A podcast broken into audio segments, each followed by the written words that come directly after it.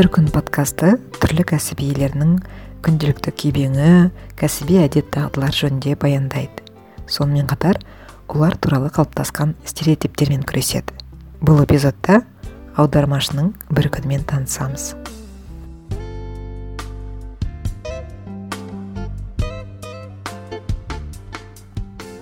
Менің есімім раянова гаухар қазір алматы қаласында тұрамын. Жасым отыз төртте. Аудармашы болып жұмыс істеймін. Бұл мамандыққа кездейсоқ келдім десем болады. Бала күнімде университетте оқып жүргенде мен аудармашы боламын деп армандаған жоқпын. Университетті мен ә, аймақтану мамандығымен оқып шықтым. Ә, ағылшын тілін оқыдық. Мектептен кейін университетті бітіргеннен кейін де жаңағы жұмыс істеп жүрдім. Біраз басқа әкімшілік жұмыстарда офис менеджер болдым. 2007 жылы мен аудармашылық карьерамды бастадым. Бұл маусым айында болатын. Бір хабарландыруды көрдім. Осы аудармашылар керек. Ағылшын тілінен қазақ тіліне деген соны көріп қуанып кеттім. Ағылшын тілінен қазақ тіліне аударатын ол кезде аудармашылар аз болатын. Жаңағы жұма күні болатын. Жұма күні бардым. Ә, тест тапсыр деді ә, жарайды деп бір жаңағы бір келісім шартты берді. Бір түркия азаматтары туралы ма есімде жоқ. Бір соны алып аударып бердім. Сол мезетте бірден тексерді де жарайды. Жаңағы дүйсенбі күнінен бастап жұмысқа кіріңіз деді ыыы сөйтіп мен екі мың жетіден он үш жыл бойы осы салада жұмыс істеп келе жатырмын. Ә, таңертең менің будильнигім тоғыздардың шамасында ә, шырылдайды ә, иә жұмысым жай басталады басқа адамдарға қарағанда. Себебі қазір мен бір халықаралық компанияда жұмыс істеймін. Ә, ол ә, компанияда европалық уақытқа қарай сәл ығысып жұмыс істейміз мысалы кейде он бірде болатын он бірден сегізге дейін жұмыс істейтінмін. А бір кездері он екі мен тоғыздың арасында жұмыс істедім. Қазір он менен жетінің арасында жұмыс істеймін. Бұл көбінесе менің менеджерлеріме байланысты. Менеджерлерім мысалы сағаты осы алматының уақытына жақын болса жаңағыдай он мен жетінің арасында жұмыс істейміз. Ал егер жаңағы киев сияқты жақтарда тұратын менеджерлер болса онда жаңағы он бір кейде он екі мен ыыы жаңағы тоғыздың арасында жұмыс істеймін. Ә, соған байланысты енді ерте тұрамын деп айтпаймын. Тоғыздың кезі біреулерге әрине жаңағы тал түс сияқты көрінеді бірақ маған тоғыз деген кейде тым ерте болып кетеді. Ә, себебі біздің жұмысымыз жаңағыдай ә, сағат кейде тоғызда бітпейді түнгі үшке дейін төртке дейін жүретін кездер болады. Ә, кейде таң атпай таң атып кетіп бара жататын кездер болады үйге оралып. Жұмысымызға барғанда кішкене қаталдау жаңағы ережелер бар. Әрине камера қосулы деген сияқты. Сосын бізде жаңағы саусақпен тексеріледі жаңағы біздер кейбір компанияларда картамен нетеді ғой. Ә, картамен кіреді иә офисқа. А біздерде саусағыңды қойып өткізеді сондықтан ешқандай махинация жасауға болмайды бұл жерде. Саусағыңды басып жаңағы ә, белгіленіп өтесің жұмысқа кіргенде. Одан кейін ә, бірден почтамды әрине ашып қараймын. Почтада маған түрлі жұмыстар келеді. Соңғы үш жылда мен google өнімдерін аудару бөлімінде жұмыс істеп келе жатырмын. Ә, әрине google өнімдерінде аудару өте ну, осы уақытқа дейінгі жұмыстарыма қарағанда қиындау. Гуглдың стандарттары жоғары. Олардың өз штатында өздерінің редакторлары бар. Ә, біз өз тарапымыздан аударамыз тексереміз оларға жібереміз. Ә, олар болса жаңағы өздерінің стандарттарымен өздерінің ережелеріне сай тексеріп отырады. Әрбір нүкте әрбір үтірдің өзі жаңағы ә, бағаланып отырады. Яғни сізге мысалы шартты түрде мың сөз аударсаңыз соның ішіне жаңағы бір жерде нүкте қалып қойды немесе үтір қалып қойды деген бір төрт бес бес алты қате кетіп қалса соның өзі ә, бұл проект нашар аударылды деген сияқты жаңағы сізге бағаланып келіп тұрады. Әрбір қатеңізге жауап беріп отырасыз. Ә, сондай ә, нелер талаптары бар. Бір жағынан қуантады бір жағынан әрине қиын. Ә, бұл психологиялық тұрғыдан өте қиын. Яғни әрбір нүктеңді өтіріңе сен жаңағы кейде бір күмәнданып қалатын кездерің болады мынау дұрыс па дұрыс емес па деген сияқты. Бірақ барлығы қарастырылған. Бұл word бағдарламасы емес. Арнайы бағдарламалар барлығы жаңа интернет онлайн режимде жұмыс істейтін бағдарламалар. Сондықтан қандай да бір күмәніңіз болса немесе қандай да бір қосымша немесе балама нұсқаңыз болса барлық жерде сіз комментарий қалдырып кетуге мүмкіндігіңіз бар. Әрине мен бұл жұмысқа кіргенде бұл жобаны бастағанда барлығымыз құпиялық жөніндегі жаңағы құжаттарды толтырамыз ғой.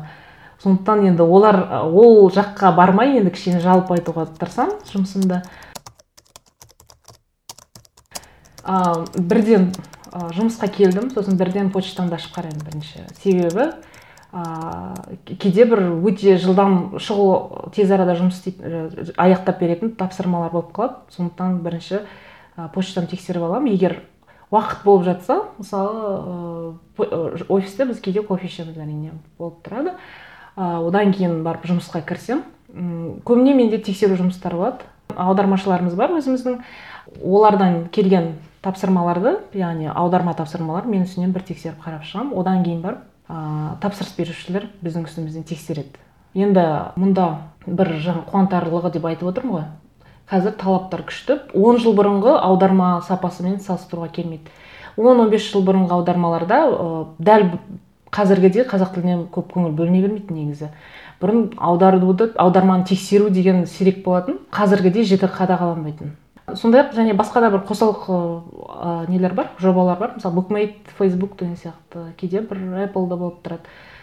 Жаңағы аударма жұмысы негізі қойылатын жаңағы тапсырыс беру үшін қойылатын талаптарына байланысты болады көп жағдайда. Мысалы кейбір тапсырмаларда айтылады. Сіз мына жерде бұл жарнаманың мәтіні сондықтан жарнамаға сай маркетингтік стильде аударыңыз деген сондай талап келеді көбінесе. Әрбір тапсырмада ә, тапсырыс берушінің тарапынан жаңағы өзінің ә, ережесі көрсетіледі. Мынаны былай аударыңыз былай былай аударыңыз деген сияқты. Мысалы кейбір аудармаларда әрине техникалық аудармаларда сіз ә, бір жаңа әдеби ә, сөздерді пайдалана алмайсыз. Ә, мынадай сынды деген сияқты мысалы ондай сөзді біз пайдаланушы нұсқауына қосып қоймаймыз. Ә, ал кей жағдайларда мысалы ә, керісінше жаңа айтып тұрады мысалы google аудармаларында барынша оңай ыыы тиянақты сондай жаңағы бір қиын емес қылып аударуға тырысады. Сөйтіп сондай о басында талап қойылған сондай. Ә, мысалы сіз гуглдың ағылшын тілінде жаңа интерфейс көрсеңіз ә, барлық түймелері барлығы оңай оңай сөздермен жазылған. Барлық жаңағы хабарлар шығатын барлығы өте оңай. Ешқандай да ол жерде бір ғылыми сөз жоқ ешқандай. Немесе бір сөздіктен іздейтін ешқандай термин жоқ. Сосын қазақ тілінде тура сондай болу керек. Және ә, басталып аударма екені көрінбеу керек. Ана жерге қарағанда сіз бұл о баста қазақ тілінде құралып тұрған сияқты болып тұру керек. Басты талап сол. Ең қиын тұстардың бірі бұл жобада көп дау туғызатын деп айтып қояйын енді. Мынадай шағымдар келіп тұрады аударма дұрыс аудармады деген шағымдардың ішінде. Мына жер қазақ тілінде табиғи естілмей тұр деген сондай нелер көп болады. Басында әрине қиын болды. Себебі а, оған дейін мен Microsoft бөлімінде болғанда ондай талап қойылмаған болатын. Microsoftта әлдеқайда босаң ал гуглға келгенде бірден жаңағыдай шарт қойылған болатын. А, енді сол себепті әрине біз еш кейбіреулер сұрайды бізден сендер сонда әсіресе мен гугл аудармаларын жұмыс істеймін деп айтып қалып жатсам кейбіреулер айтады сонда сен гугл пайдаланасыңдар ма сендер гуглмен аударасыңдар ма дейді әрине жоқ оның үстіне бізді үстімізден біреу тексеріп отырады ешқандай гуглмен аудару деген тіпті ойға келмейтін нәрсе әлгі машинный перевод дейміз қазір жаңағы түрлі техникалар қолданылып жатыр ғой алгоритмдер. Бірақ оны әлі қолданысқа қолданбаймыз әрине а, екінші мәселе бұл жерде бірізділік. Аударманы аударған кезде терминдар сосын біп бірдей хабарлар шығады ғой. Мысалы сіз түрлі программаны қолдансаңыз түрлі бағдарламаны немесе бір бағдарламаның ішінде әртүрлі жаққа бөлімдеріне өтетін болсаңыз біп бірдей хабар түрлі жерлерде қолданылады иә. Ол хабарлар жаңағы оригиналында қалай болса қазақ тілінде де бірдей хабар барлық жерде қолданылу керек. Сондықтан ә, бір ол әртүрлі болып кетпеу үшін әр, әр жерде ә, мысалы біздерде база деген болады. Қазіргі осы он он бес жылдай болды ғой ондай бағдарламалар қолданып жүргеніне қарапайым вордтан бір артықшылығы ол жаңағы сіз әрбір аударған нәрсеңіз базаға жинақталып тұрады. Сосын ұқсас немесе тура сондай ә, сөйлем қайталанып тұрса сол базадан сізге суырып шығарып береді. Міне сіз мынадай аударғансыз осыны пайдаланыңыз дегендей яғни бұл бірізділік деп аталады. Ә, әрине IT саласында ол өте маңызды нәрсе. Егер бір бағдарламаның іші әртүрлі әртүрлі болып терминмен аударып кетсе ол өте аударманың сапасыздығын білдіреді. Сондықтан бұл біраз істі жеңілдететін нәрселер. Бір жағынан бұл жұмыстың жақсы жағы десем түрлі технологиялармен танысасың және кейбір нәрселер тіпті басқа елден бұрын бізге келіп жатады. Соның ішінде жаңа өнім мысалы әлі нарыққа шықпаса да ә, біз соны аударып жатамыз. Мысалы бұрында облачный технология дегендерді мысалы көп адамдар білген жоқ қой ы соны біздер ол кезде аударып жатқан болатынбыз.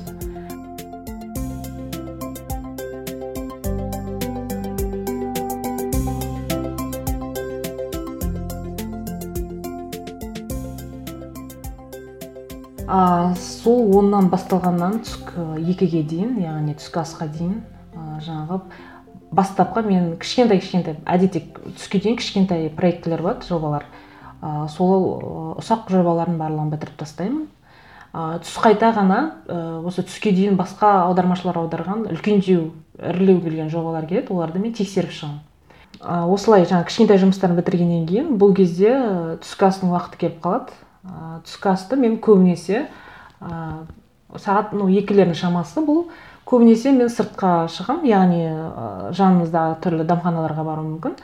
Қаланың орта шамасы болғандықтан бұл жағынан маған қиын емес. Әрине а, үйден кейде алып келіп тұрамын бірақ көбіне мен уақытым бола бермейді үйден тамақ пісіретін. Ә, сондықтан шеттегі мысалы қағанат деген сияқты жерге бара саламын кейде жиырма минут болады жұмысқа байланысты. Мысалы ә, ұсақ жұмыстар бітіргенімен үлкен жұмыстар артынан жаңа ізін қуып келіп тұрады кешке дейін. Бізде түскі ас уақыты бір бекітілген емес.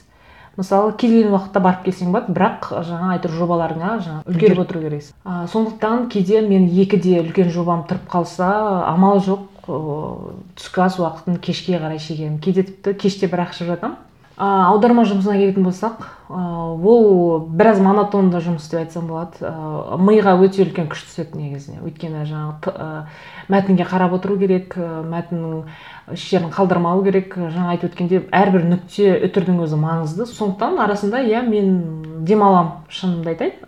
Жұмыс аздау немесе оңайлау келген жобалар болса мен мысалы музыка тыңдаймын көбіне.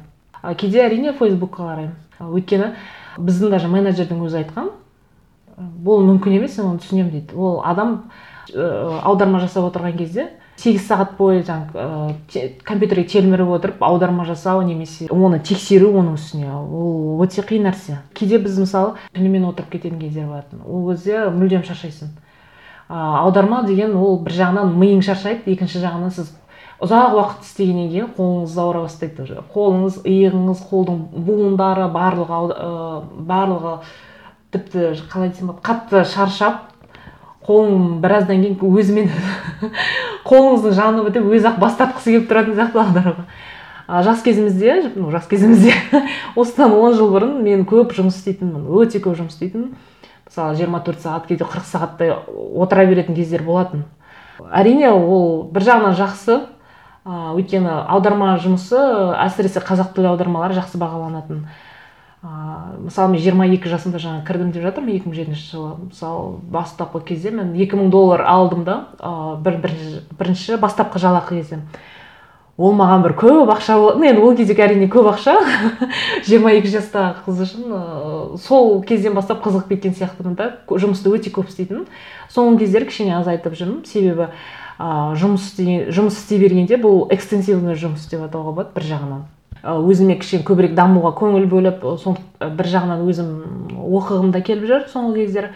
Сондықтан өзімді дамыту үшін басқа жаңағы кітап оқу сияқты нәрселерден көбірек көңіл бөліп жүрмін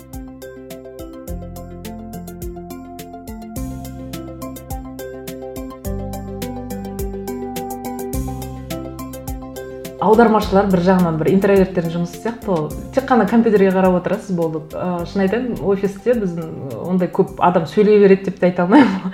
Барлығы өзінің компьютеріне қарап жұмысын істеп отырады. Ыыы бірақ бізде сыртқы коммуникация деген қалай болады? Ыыы біздер кейде бір аудармашының сыртынан қарап отырсаң кейде күлкің келіп кетеді өйткені. Ә, жаңағы түрлі коммуникация басқа екінші тараптың аудармашыларымен болып жатады иә? Мысалы почта арқылы бізге олар сіз мына мына жерін былай деп аударсыз былай деп жатырмыз деген сияқты сондай даулар туындап жатады. Мысалы ыыы сізді біреу тексерсе ол басқаша тексеріп басқалай жөндеп қояды. Ә, сіз айтасыз олай емес былай деген сияқты. Әр тараптың өзінің бір несі болады ғой енді өзінің аргументтері бар. Ә, мынадай да жағдайлар болып тұрады. Мысалы қасыңыздағы мен өзімнің тобымда жаңа екі адамбыз. Екеуміз бір бірімізге сол күнде бір даулаулар туындап қалып жатады мысалы екеуміз о басында жаңағы скайппен сұрап отырамыз бір біріміз сосын бір уақытта екеуміз бір біріміз келіспей қаламыз. Одан бір уақытта скайпты құлағымызда жаңағы наушник болсын басына лақтырса былай. былай ұрысып кетеміз жаңағыдай. Неге олай неге былай деген сияқты ше. Сосын осы кеңсенің ішінде емес жаңағы кеңсеаралық соғыстар да осылай болып тұрады арасында. Неге бұл жерде былай деп былай айту керек. Ыыы аударма саласы да ол нарыққа бағынатын нәрсе. Аударма саласында түрлі фейлдер де болып жатқан түрлі то есть қателер ыыы оның бәрі нарыққа тіреліп тұр. Осы әр әр компанияның аудармашысы өзінің аудармасын ыыы қалай десем болады? Ақтап шығуға тырысады. Оның бәрі айналып келгенде беделге одан кейін барып ақшаға тіреледі. Өйткені ыыы әр компания өзінің жобасы үшін ақша бөліп отыр ғой. Ы ол бюджетке сыю керек және. Ы сондықтан мысалы сіз басқа бір компанияға аудармаға заказ берсеңіз тапсырма берсеңіз қосалқы аудармашы ретінде егер одан қате келіп жатса сіз оларға айыппұл саласыз иә? А ол айыппұл салмау үшін ыыы ана жақтың аудармашысы келіп өзінің жаңағы аудармасын дәлелдеп болады. Мұның бәрі негізі нарыққа бағынып отыр. Егер бұл жерде нарық болмаса әлдеқайда кішкене бейбіт шешілетін шығар көп мәселелер. Бірақ ыыы нарық өзінің жаңағы ыыы капитализм дейміз ғой өзінің ережесін сол жерде жүргізіп отыр. Сосын жаңағы түрлі нәрселерді айта кетейін. Түрлі қателер болып жатыр. Мысалы біраз уақыт еркектер қорқақ деген сияқты жаңағы күлкілі жағдайлар болып қалып жатыр. Ы бұл жерде меніңше контекст болмайды. Мысалы кейбір ы тапсырыс беруші жаңағыдай ыыы былай жіберген болуы мүмкін. Бұл жерде еркек деген сөзді мужской деген шығар мысалы бір бөлек жіберіп ана екінші сөзді екінші бөлек жіберген шығар. Сосын ол аудармашы ешқандай контекст болмаған соң кейде солай жібере салады. Ал бес минутта аударып бер деген сияқты. Сосын енді аудармашы ананы қарайды да енді. Ой мынау бір ыңғайсыз сөз сияқты ғой одан да қорқақ деген сөзді осы шығар деп жаңағы жібере салады. Өйткені мен қазір іш деп аударып қойсам ол керісінше маған күлетін шығар деген сондай бір контекст болмай сондай бір жағдайлар болып қалуы мүмкін. Одан кейінгі тағы жаңағы қазақ тіліндегі аударма саласының бір ақсап тұрған нәрсесі жаңағы жарнамалар ғой көбісі жаңағы жарнамаларға күледі деген сияқты. Ыыы біріншіден жарнамалар жасаған кезде командалар болады иә мысалы маркетологтардың. Ыыы маркетологтар слоганды орыс тілінде ағылшын тілінде жасағанда білесіз қаншама жаңағы неден өтеді қаншама этаптан өтеді қаншама талдаудан өтеді. Ал қазақ тіліне келгенде ондай мысалы мен бар шығар енді бар ғой әрине. Бірақ аз сияқты меніңше. Нарықты олар толықтай қамти алмайды. Сондықтан бізге жаңағы аудармашыларға жібере салады. Мынаны аударып бер деген сияқты. И оны аудармашы бары шамасы жеткенше жетеді. А ол аудармашыны сосын бізде бесаспаптыққа үйретіп тастаған қазақ тіліне аударма. Яғни бір техникалық аударманы жасап жүрген аудармашы ал мынаны аударып бер деп жаңағы жарнаманы бере салуы мүмкін ол оны өзінше әйтеуір барынша аударып береді. Ол дұрыс емес ә, себебі ыыы жаңағы аударманың өзінің салалары бар ғой. Ал енді аудармашылардың ауызша синхронды аудармашылар бар және одан кейін последовательно дейді. Бірнеше сөйлемді айтып алады спикер. Одан кейін соны қорытып аударып береді. Ондай да бар. Ы одан кейін жаңағы жазбаша аудармашылар. Мен толықтай жазбаша аудармашымын деп айта аламын. Мен ешқашан ауызша жобаларға қатысып көрген емеспін. Әрине ауызекі жаңағы бір достарыма көмектесу деген оларды енді мен санамаймын. Бұл бір карьерамда ешқандай немес маңызды емес. А енді жазбаша енді салалық аудармаларға тоқталып өтейін иә. Салалық аудармаларда бізде техникалық жаңағы құрылыс саласы мұнай саласы бұнда көп аудармалар талап етіледі біздерде. Сосын айти саласы жас салалардың бірінде бар. Медицина саласында. Сосын айта кетерлігі бізде ресурс жетпейді. Ресурс жетпейді дегенде жалпы қазақ тілін білетін аудармашылар аз. Бұрын өте аз болды. Қазір кішкене қатар толығып келе жатыр қазір қазақ тілінің аудармалары бұрынғыға қарағанда әлдеқайда жақсы сияқты өзім байқағаным. Ыыы бұл жерде сосын айта кетерлік нәрсе бар. Ыыы көп адамдар жаңағы шатастырады. Мен ағылшын тілін білемін мен аударайыншы мен аударма істейінші деп көп жаңағы қолқа салып жатады. Бірақ аудармасын көрсең енді келмейді. Ыыы негізі бұл жерде ойлайды олар. Мен оригинал жаңағы мәтінді түсінсем болды дейді. Негізі ол бастысы ол емес. Бастысы сіз жаңағы қазақ тілін білуіңіз керек. Көбісі ойлайды мен жаңағы ағылшын тіліне қарап айтып беремін дейді де бірақ бір жарты бетті енді білмеймін екі сағат отырып аударатындарды көрдім. Сөздерін сөйлемдерін қазақша өйткені құрай алмайды. Өмірде бірақ қазақша сөйлейді. Бұл жерде яғни тіл байлығы жетіспейді деген сияқты. Енді қарапайым тілмен айтқанда.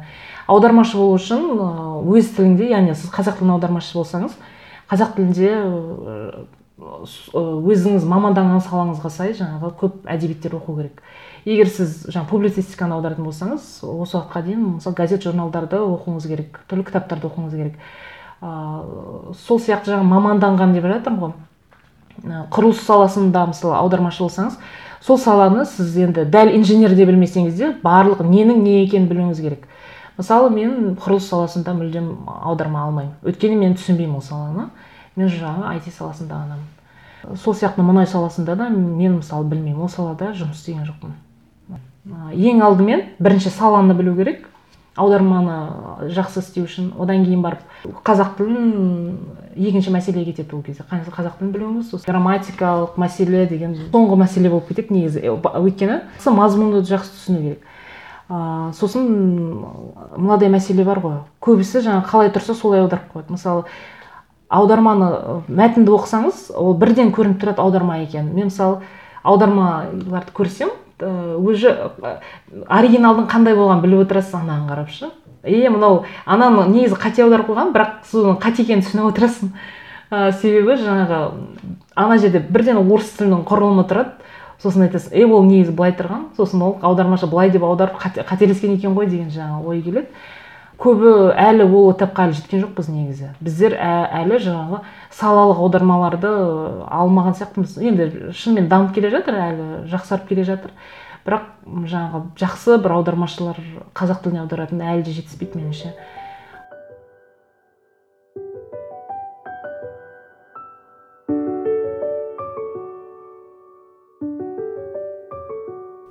Сұраныс бар негізі қазақ тіліне иә? Мысалы сұраныс дегенде талап бар. Мысалы түрлі жаңағы әлеуметтік желілерде шығып жатады ғой былай деп қойыпты былай деп дұрыс аудармапты деп жатады. Ыыы о баста бізде жаңағыдай формально дейді ғой келісімшарт болса соның орысшасы болса қазақшаға аудару деген. Оны ешкім оқымайды бірақ қазақшасын. Сондықтан аударма жағы бізде шамалы құнсызданып кетті негізі. Ә, егер о баста бізде қазақ тілін кең қолданатын бір сондай тіл болса енді бізде қазақ тіліндегі аудармалар әлдеқайда сапалырақ болар еді деп ойлаймын. Ә, себебі ну қазір әлі күнге дейін бар ғой. Кеңсенің жаңағы нелері құжаттары орыс тілінде әлі күнге дейін орыс тілінде. Қазақ тілін істесе істейді істемесе істемейді. Істеген күннің өзіне қазақ тілінде көп оқи да бермейді оны. Ә, сондықтан егер сұраныс болса көбірек пайдаланатын болса әрине сапасы жақсарар еді. Құнсызданып кетті деп жатырмын аударма саласы? Себебі ыыы жаңағыдай талап болмағандықтан ешқандай қазақ тілі әйтеуір болу керек дегендіктен әркім әртүрлі шамасы келгенше аудара береді. Мысалы жаңадан бастап жатқан аудармашылар 500 теңге деген сияқты. Әрине олардан да сұраныс болады. Себебі жаңағыдай ыыы тек әйтеуір қазақ тілінде болсын деген компаниялар олар 500 теңгенің алақайлап алады 500 теңгенің аудармаларын. А егер өзінің өніміне жақсы қарайтын компания болса әрине ол өзінің бір командасын құрады одан кейін оны тексертеді ә, сырттан жаңа адамдар алдыртады. Ол жерде аударма сапасы жер мен көктей жаңағы бастапқы аудармашы бастапқы бес жүз теңгелік аудармаға қарағанда. Сондықтан осыған да назар аударылу керек. Ол жерде ешкім ешкім тексермейді. Әйтеуір кетіп жатады аудармалар ол бір жерде архивте просто жатады. Ешкімге былай қарасаңыз қажеті жоқ. Бұл жерде мемлекет өз тарапынан жаңағы ісін істеді деп ойлаймын. Өйткені барлық жаңағы өнімдер бізде келетін өнімдердің барлығы қазақ тіліне аударылып жатыр ғой. Қазақ тіліне аударылу керек деген талап бар.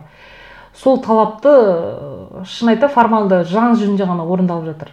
Себебі біз пайдаланушы ретінде біз қазақ тілін қолданбаймыз. Бірден жаңағы орыс тіліндегі нұсқаулығына қараймыз. Қазақ тіліне қарамаймыз. Өйткені орыс тілінде әрине бәрімізге ыңғайлы дейді. Банкоматты ашып қарағанда да қандай да бір даже телефонда қолданбалардың өзі қазақша нұсқасы болса да бәрімізде көбімізде бәріміз емес орыс тіліндегі нұсқалар жүреді иә. Өзіміз соған үйреніп қалғанбыз бірақ өзіміз сұраныс тудырмай отырып жаңағыдай талап етеміз.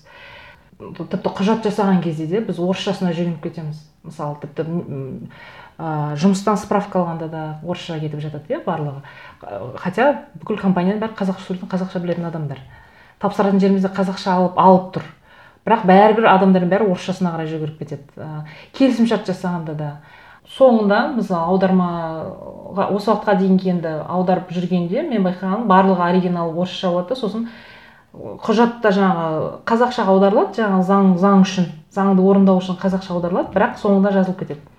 Егер бұл қазақ және орыс тілдерінде бір қандай да бір қайшылық болса онда орыс тіліне орыс тіліндегі нұсқа басым күшке ие деген бірден жаңа ремаркасы тұрады ескерту. Мұның өзінен ақ өзіміздің тілімізге деген қалай өзіміздің қарым қатынасымыз ғой өзіміз тіл қанша қаншалықты пайдаланатынымыздың көрсеткіші осы ы сондықтан барынша қазақ тілін көбірек пайдалансақ аудармамыз сол жаңағы тура пропорционалды түрде жақсарады деп ойлаймын.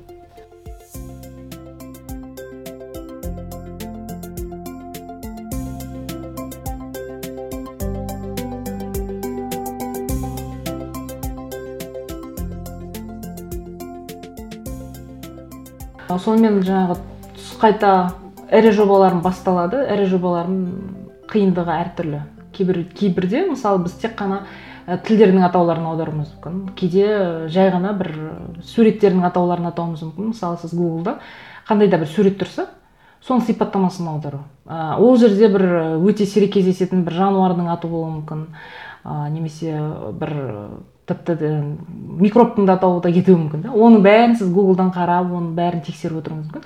Сондықтан ы ол сіздің бағыңызға қарай. Мысалы мен ашып жаңағыдай екі мыңдай бір мың сөздей бір қиындау келген сөздер болса жаңағы түрлі зат интернетте мысалы кейде ы жаңа айтып отырмын суреттердің сипаттамасы келіп қалып жатса онда мен түнге дейін отырып қаламын соларды тексерумен. Өйткені өте көп уақыт алады. Сіз мың мың терминді алып әрқайсысын тексеріп отыруға мысалы түннің бір уақыты болып қалуы мүмкін. А кейде оңай нәрселер болады. Ыыы мысалы тек қана м қалай айтсам болады. Мысалы ютуб сияқты каналдың ютубтар ютуб сияқты жаңағы қолданбаның сайттың аудармасын алсақ өте оңай ол жобалар. Әлдеқайда оңай жоба деп айта аламын. Сондықтан менің осы үйге қай кезде қайтатыным сол жобаға байланысты көбінесе. Өйткені жаңа айтқандай талап күшті болғандықтан ы мен сағат неше болса да әйтеуір шамам келгенше сапасын жақсы қылып істеуге тырысамын барымша былай ғой мысалы сіз бір жерде құжат қабылдайтын жұмыста істесеңіз мысалы сіз кешкі алтыда болды. Сіз ешқандай құжат қабылдамаймын болды кеттім деп кетіп қала аласыз иә? Ал аудармада егер сіз бір қиындау жоба келіп қалды деңіз жоқ мен алты болды деп кетіп қалсаңыз ыыы ол кішкене сапасына не кері әсерін тигізіп қалуы мүмкін. Сондықтан арасында болады енді жаңағыдай ұзақ уақыт отырып қалу деген болады. Осы аударма жұмысының қиындығы осында деп санаймын. Яғни сіз әрбір мысалы сізге бір мәтінді берілді ме сіз әрбір әрпін оқып шығып оны аударып жаңағы қолмен мимен жұмыс істеп барлығын қалай айтсам болады маңдай теріңізбен өтеп шығасыз. Оның үстіне сіз сапалы аударма жасауға тырысатын болсаңыз ы сіздің еңбегіңіз толықтай сіңеді.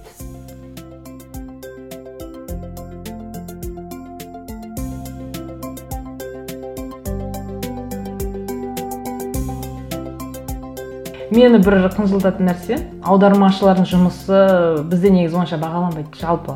Бізде ғана емес жалпы онша бағалана бермейді. Мен аудармашылар туралы бір жаңағы естеліктер бір оқыған болатын сол кезде де айтылады. Аудармашы бір әйтеуір мысалы кеңестік кезден қалып қойған дейді да ол да. Үлкен жаңағы шенеуніктер отырады анау қасында соның сөзін қайталап әйтеуір қасында жүретін адам деген сияқты бір ой қалыптастырған сосын оған оңай ананың айтқанын қайталап айтып берген сияқты. Шынтуайтында мысалы адамның сөзін аударудың өзі өте қиын нәрсе. Сіз бірден жаңағыдай ы миыңыз барынша синхронды жұмыс істеп тұру керек барынша жылдам жұмыс істеу керек. Ойланып жаңағыдай толғанып сөзді ойланып ондай болмау керек. Ііі ұтымды жаңағы жақсы сөйлеу жақсы жаңағы ұтымды конструкция дейміз. Сөйлеміңізді құру деген сонда соған қабілетті болуыңыз керек. Ол алдын ала дайындалған. Мүмкін ол баяндамасын осы уақыттан жүз рет оқыған шығар. Оған әрине бәрі жаттанды а ол бір елге келгеннен кейін әрине аудармашы іздей бастайды. Аудармашыға кейде бір қысқа уақыт қысқа мерзім беріп қалуы мүмкін. Мысалы мынадай шамада болады ал мына мынадай сайты бар сайтында осындай осындай сөздер деген сияқты сондай осындай тақырып болады деген сияқты бір бере салады. А аудармашы соны ілесіп үлгеру керек. Яғни ана кісі мысалы баяндамашы өзінің жаттанды өзінің әдемі сөздерін құрып айтып жатады ғой. Аудармашы содан қалыспау керек. Себебі ә, жаңағы соған қатысқан адамдар кейбіреулер аудармашыға ренжіп жатады. Жаңағы дұрыс болмады ыыы ілесе алмай қалды бірдеңе деп кейбір сөз көп сөз айтты аудармашы аз сөз айтты деген сияқты. Оның ар жағында көп нәрселер көп мәселелер жатуы мүмкін. Аудармашыға кейде дайындыққа уақыт берілмейді. Себебі атүсті қараушылық бар жаңағыда. Ой аудармашының жұмысы тып тыныш ол деген ауызша аудармашылар жазбаша аудармашылардың жұмыстары одан да қиын. Ауызша аудармашының жаңағы сөзге шешендік болса ол кейбір уақыттарда оны құтқаруы мүмкін. А жазбаша аудармашы ондай ондай жаңағы привилегия артықшылық жоқ. Жазбаша аударма ол барынша идеал болу керек иә? Ыыы осы жерде айта кетейін. Көбісі айтады ой жұмыстарың жақсы тып тыныш жып жылы жерде отырып жаңағы компьютермен әйтеуір сырттарынан елестейді бүйтіп компьютерде бірдеңе басып отырған адам. А шынтуайтында келгенде сіз ыыы миыңыз енді жүз процент жұмыс істеу керек ол жерде жаңағы аударманың дәлдігіне жауап бересіз. Одан кейін ы құдай сақтасын ішінде бір қате кетіп қалып жатса ол бір маңызды құжат болса ол ертең үлкен дау, дау болып қайтып келуі мүмкін. Бұл жерде сіздің сондықтан бір жауапкершілігіңіз де бар өзіңіздің компанияңыздың атынан үлкен айыппұл да салуы мүмкін мысалы түрлі жағдайлар болып жатады ғой. Сондықтан аудармашының жұмысы өте жауапты. Ы сосын жаңа бағана айтып өттім. Ы кез келген адам тіл білетін адамның барлығы аудармашы емес. Ы аудармашыларға кейде келіп қалып жатады кездейсоқ келіп қалып жатады. Мысалы білет мына бір танысым бар еді давай алып осыны істетіп көрейік дейді істей алмайды. Ну көп жағдайлар болды. Бірнеше күн істеген апта ай істегендер болды. Ыыы істей алмайды. Өйткені адамның әр адамның өзінің қабілеті бар ғой. Тіл білген ол сізге ешқандай да гарантия бермейді. Сіз осы салада жұмыс істеуіңізге сізде ыыы сөйлемді барынша табиғи беруге сондай бір қабілетіңіз болу керек. Қабілет болған бір. Екіншіден сізді ұқыптылық керек жаңағы қате жасамай аударуға әсіресе мағынасын беруге. Ы үшіншіден сізде бір ыждағаттылық болу керек. Ы ыждағаттылық дегеніміз сіз ы сізге жүз беттік жоба берілсе сіз оны мойныңызға алып аяқтап дұрыстап тапсыруға барынша күш қайратыңыз керек. Ол жүз бет кейде бір айға беріледі. Кейде ну әрине аудармашының өзінің несі бар жаңағы қалай десем болады ыыы таңдауы бар иә? Сізге жүз бетті кейде он күнге берсе ыыы ол кейде үлгере алмай қалып жатады аудармашы ойлайды жарайды он күнде мен жүз бетті күніне он бет он ақ бет қой дейді. Бірақ сол соны істеп жатқан кезде бір қандай да бір оқыс жағдай болып қалады. Ну ең бір ыыы оптимистік жағдай бір ауылдан қонақтар келіп қалды дейік иә мысалы. Олар келді қаланы көрсетті мәз болды үйлеріне кетті. Бірақ ары қарай аудармашы түнімен істеу керек. Өйткені ол сол жұмысты мойнына алған. Ешқандай да бір бұл жерде бір скидка жасалмайды. Ыыы ой бірдеңе қылып бүйтіп тапсыра саламын айта саламын деп ондай нәрсе емес ешқандай да. Әрбір сөйлемді қалдырмай отырып аудару керек. Өйткені көп м жаңағы кейде бір даулы жағдайлар байқап қалдым. Мысалы болды тәжірибемде мысалы мен енді ондай сөйлемді тастап кетіп ондай аударма жасап көрген емеспін. А бірақ жаңағы болып жатты. Кейбір аудармашыларға жаңағы шағымдар түсіп мысалы қалып қойған мына жері мына жері дұрыс емес. Деген сияқты. Кейбіреулер жаңағы мағынасына қарап аудардым дейді да. Бірақ тапсырыс берушінің талабы бойынша әрбір сөз аударылу керек болатын жағдайлар болады. Сондықтан мүлдем ат үсті қарайтын нәрсе емес. Сосын бұл жерде ешқандай сізге тамыр таныстық жаңа айтып өттім ғой бір бір ай жұмыс істеп шығып кететін аудармашылар бар. Тамыр таныстықпен келіп қалғандар. Ешқандай да ы тамыр таныстық ешқандай диплом ол сізге бір не осы салада тұрақтап қалуға кепілдік бола алмайды. Ы жаңа айтып өткен білім керек қабілет керек сосын барып ыждағаттылық керек. Осылардың біреуі болмаса осы қасиеттердің біреуі жетіспесе бұл салада жұмыс істеу қиын. Барлық тыңдап отырған барлық ы жаңағы аудармашылар келісетін шығар. Сосын үшінші мәселе жаңа айтып отырмын ғой дедлайн деген. Сізге он күнде берді ма сіз оны тапсыру керексіз. Ешқандай да кері шегеру жоқ. Ы сосын сапасын нашар тапсыру деген жоқ. Сіз түнімен отырасыз ба күнімен отырасыз ба? Сіз оны алғаннан кейін өз жауапкершілігіңізге алғаннан кейін сіз ешқандай бір жалтақтау немесе бір нету деген болмау керек жаңағы тапсырмай кету. А енді жаңа дедлайн деп айтып жатырмын. Түсінбейтін адам болып қалса айтып өтейін. Бұл мерзім яғни тапсырылатын мерзім. Сізге үш күнге берді ме? Үш күннен кейін сіздің дедлайныңыз уақыты келді деген сөз.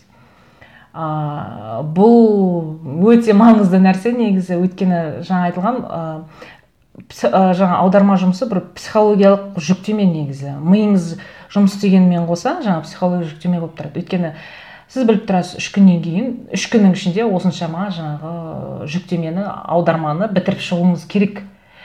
Қандай да бір жаңағы оқыс жағдайлар болып қалады деп жатырмын ғой түрлі. Оған қарамайды ә, сіз қалай да бітіруіңіз керек қалай да. Ешқандай ауырып қалдым немесе там қонақ келіп қалды бір жаққа кетіп қалайын деген сияқты ешқандай болмау керек. Өзімде мысалы мен бір саяхатқа шықпай қалдым. Ол ең бір жаңағы жеңіл нәрсе жеңіл нәрсе деп айта аламын. Мысалы астанаға иә астана қаласына мысалы алматыдан бір рет қыздар шығамыз деп. Ә, бірақ маған бір өте бір қиын тапсырма берілді. Мен соны деген істеп шықтым. Негізі басында о басында айтылған болатын сегіз сағаттық жұмыс деп. А мен ашып қарасам ол бір сегіз сағаттық емес бір қырық сағаттай уақыт керек екен. Сондықтан мен бірінші майдың демалысында үш күн жұмыста отырып істеп шықтым. Негізі істемеуге де нем бол ну құқығым бар шығар деп ойлаймын ол кезде. Бірақ бір сондай жауапкершілік сезініп қалдым ба әйтеуір сол саяхатымнан бас тарту. Ыыы жаңа жұмыста үш күн бойы жаңа жексенбі жексенбі және бірінші майдың демалысында өткіздім. Менің бұл бір жеңіл құрбандығым деп айтсам болады. Жай ғана саяхат. А бұл жұмысты істеу барысында бұл денсаулығынан құртып алған жағдайлар болды. Өмірін сап кеткен жағдайлар болды тіпті. Шын айтайын бірнеше мысал бар. Өзімде де болды. Жүрегіме үлкен күш түсіп сосын біраз уақыт жұмыс істемеген кездерім болды. Жаңағыдай бірнеше күн қатарынан дедлайн үшін үлгеремін деп істеп отырып отырып кофе ішесің түрлі энергетиктер ішесің деген сияқты. Сондықтан денсаулыққа орасан зор зиян келеді. Сондықтан мен қазіргі кезде азайтқаным сол себепті бір жағынан. А, жаңа мысалдардың ішінде қайғылы жағдайлар да болды. Бір аудармашы ағамыз өте өте ұқыпты кісі болатын жұмысына. Ағылшын тілін өз бетінше үйреніп алған. Сондай тиянақты аудармашы кісі болатын. Ә, сол жаңағы дедлайн үшін бірнеше күн қатарынан жұмыс істеген бауырының ауруына қарамастан ыыы сөйтіп жаңағы бірнеше күн істеп содан кейін қайтыс болған екен. Ыыы өйткені ол жұмысына берілген жаңағы жұмысының алдында сондай жауапкершілік қой. Ыыы егер мұндай жауапкершілік болмағанда ол кісі арамызда жүрер ме еді деп ойлаймын. Бірақ жаңа аудармашының сондай бір қолыңды аяғыңды байлап матап тастайды жаңағыдай дедлайн деген нәрсе. Сондықтан кейбір нәрселерді иә құрбан етесің. Одан кейін тағы да көп жағдайлар болды. Өзімнің таныс аудармашылардың ішінде. Жүрегіне күш түскен жағдайлар болды. Одан кейін жүйкесіне жүк болып жаңағыдай тоже ауруханаға түскен жағдайлар болды. Ал сондықтан ең бір жүйкені жұқартатын аударм ә, жаңағы сала жаңағы мамандықтардың бірі деп санаймын мен өзім. Өте қиын. Енді бір қызық енді қызық десем енді ыңғайсыздау болатын шығар. Жаңа өзімнің басқа тағы да бір аудармашы ағам бар. Өте жауап жауапкершілігінен өте жақсы кісі.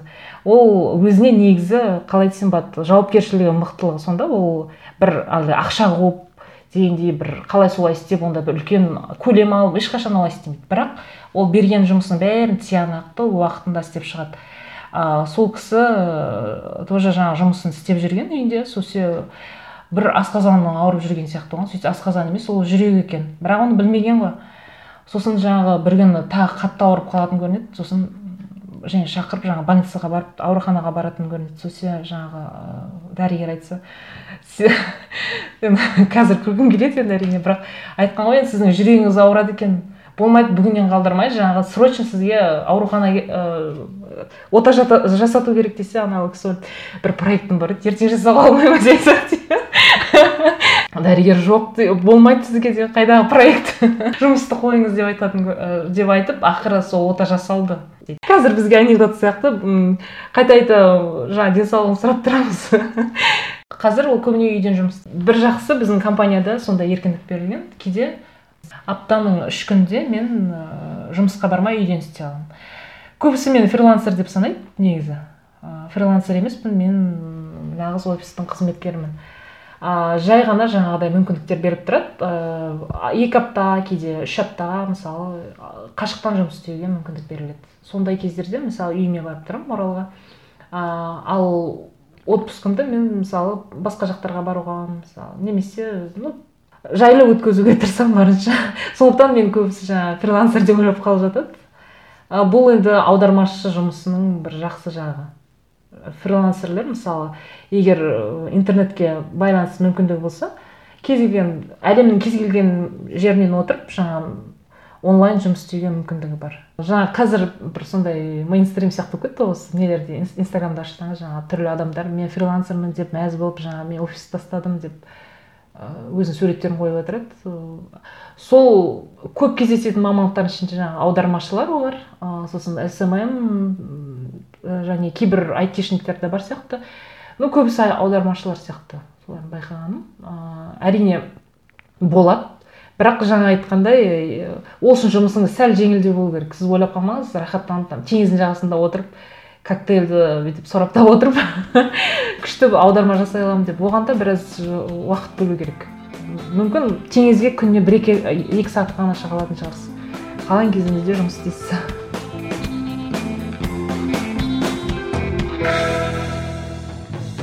Кешке енді жұмысымнан шыққаннан кейін жаңа айттым әртүрлі уақытта шыға беремін. Жаңа бір қиыны аудармашының миы жұмысында қалып қоятын сияқты ма? Өзінің бір жаңағы автоматом жаңағы миы әлі солай жұмыс істеп тұра береді жұмыстағыдай. Көшеде көрген нәрселерді көрсең де жаңағы автоматом бәрі бүйтіп аударылып жаңағы немесе аудармасына мән беріп сондай болып жатады. Сосын проектілерің күні бойы сіз компьютерге қарап бір мәтінді қарап отырсаңыз ол сіздің миыңызда қалып қояды солай бір қиыны. Сосын оны кейде даже түсіңізде де көруіңіз мүмкін. Вот сондай жаңағы миыңыз барынша сол жұмысқа беріліп кетеді ғой.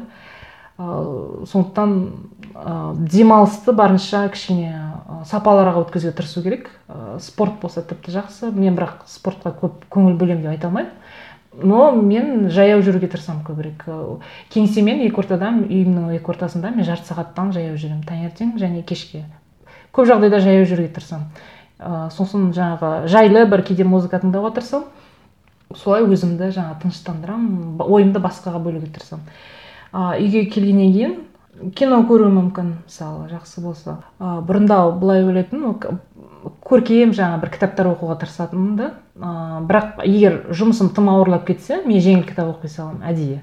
Чтобы менің миым демалу үшін жай демалу үшін. Жай тіпті позитивный психология болса да оқи саламын. Өйткені ананы оқығанда ыыы мысалы правдина сияқты иә мысалы ыыы былай қарасаңыз ішінде ештеңе жоқ қой негізі.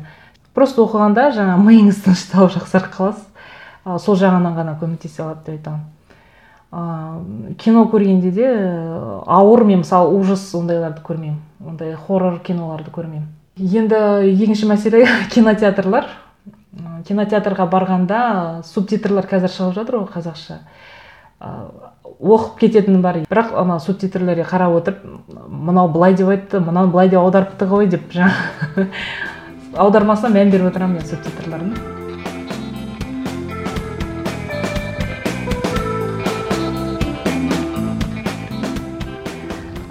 осы подкастты жазуға келіскен себебім мен бір аудармашының жұмысын айтып бір шағымданып немесе басқаларға алдында бір беделін асырып басқаларды бір кемсіту емес әрине. А, мен айтайын дегенім аудармашының жұмысы кейбір адамдар ойлағаннан қиынырақ. Ыыы олар мен үшін бір андай айтады ғой серый кардиналдар дейді көзге көрінбейтін адамдар. Мысалы сіз бір фильм көрсеңіз сіз ешқашан мына фильмнің аудармасы жақсы жасалған екен деп ойламайсыз бірақ ол шынында голливудтан шыққан фильм иә. Ал оны сізге сіздің мәдениетіңізге үйлестіріп сіз сөйлейтін жаргондармен сіз сөйлейтін бір ә, қандай да бір тіркестермен жаңағы әдемілеп үйлестіріп беретін ол біріншіден аудармашылар ғой. Ә, аудармашының жұмысын сіз тұр, күнделікті тұрмыста ә, күнде пайдаланып жатырсыз. Оның үстіне ә, біз жаңа ағылшын тілді мемлекет емеспіз ғой. Біз керісінше тұтынушылармыз сондықтан ә, фильмдерден әндерден болсын ну әндерді әрине аудара бермейміз фильмдерден бастап ә, күнделікті пайдаланып жатқан жаңағы шәйнегіңізге дейін ол аударылған нәрсе. Ол аударылмаса сіз оны түсінбейтіндегіңіз жаңағы ұм, сөз бар жаңа екі тіл білетін адам екі адамға татиды деген сөз бар. Яғни ә, екі аудармашы дегеніміз бұл екі мәдениетті екі ә, деңгей мысалы екі елдің деңгейі екі түрлі болуы мүмкін ғой. Бірақ ана дамушы елдің елге дамыған ел, елдің бір технологиясын алып келуші де ә, ол елдің жаңағы жаңа шыққан жаңалығын алып келуші де осы аудармашылар. Ә, сондықтан ә, айналаңыздағы нәрсенің барлығы оның үстінде қазақстанда деп айтсам аудармашылардың арқасында жүріп жатыр деп айтып қояйын. Біреуге бір ақыл айтайын деген сияқты ойым болған жоқ. Бірақ жаңағы аударма саласына келетін келуді ойлайтын жаңа адамдар болса жаңа айтқан сөздерімді қаперіне алар деген ойдамын. Егер аудармашылар туралы бұрында ойыңыз басқаша болса немесе сіз оны жаңағы google переводчик сияқты бір жансыз нәрсе сияқты бір елестеткен болсаңыз ыыы осы подкасттағы сөздерім арқылы мүмкін сіздің пікіріңіз оң жаққа қарай өзгерген шығар. Және бір сондай енді аудармашы көрсеңіз кішкене мейірлене қарайтын шығарсыз деген ойдамын рахмет.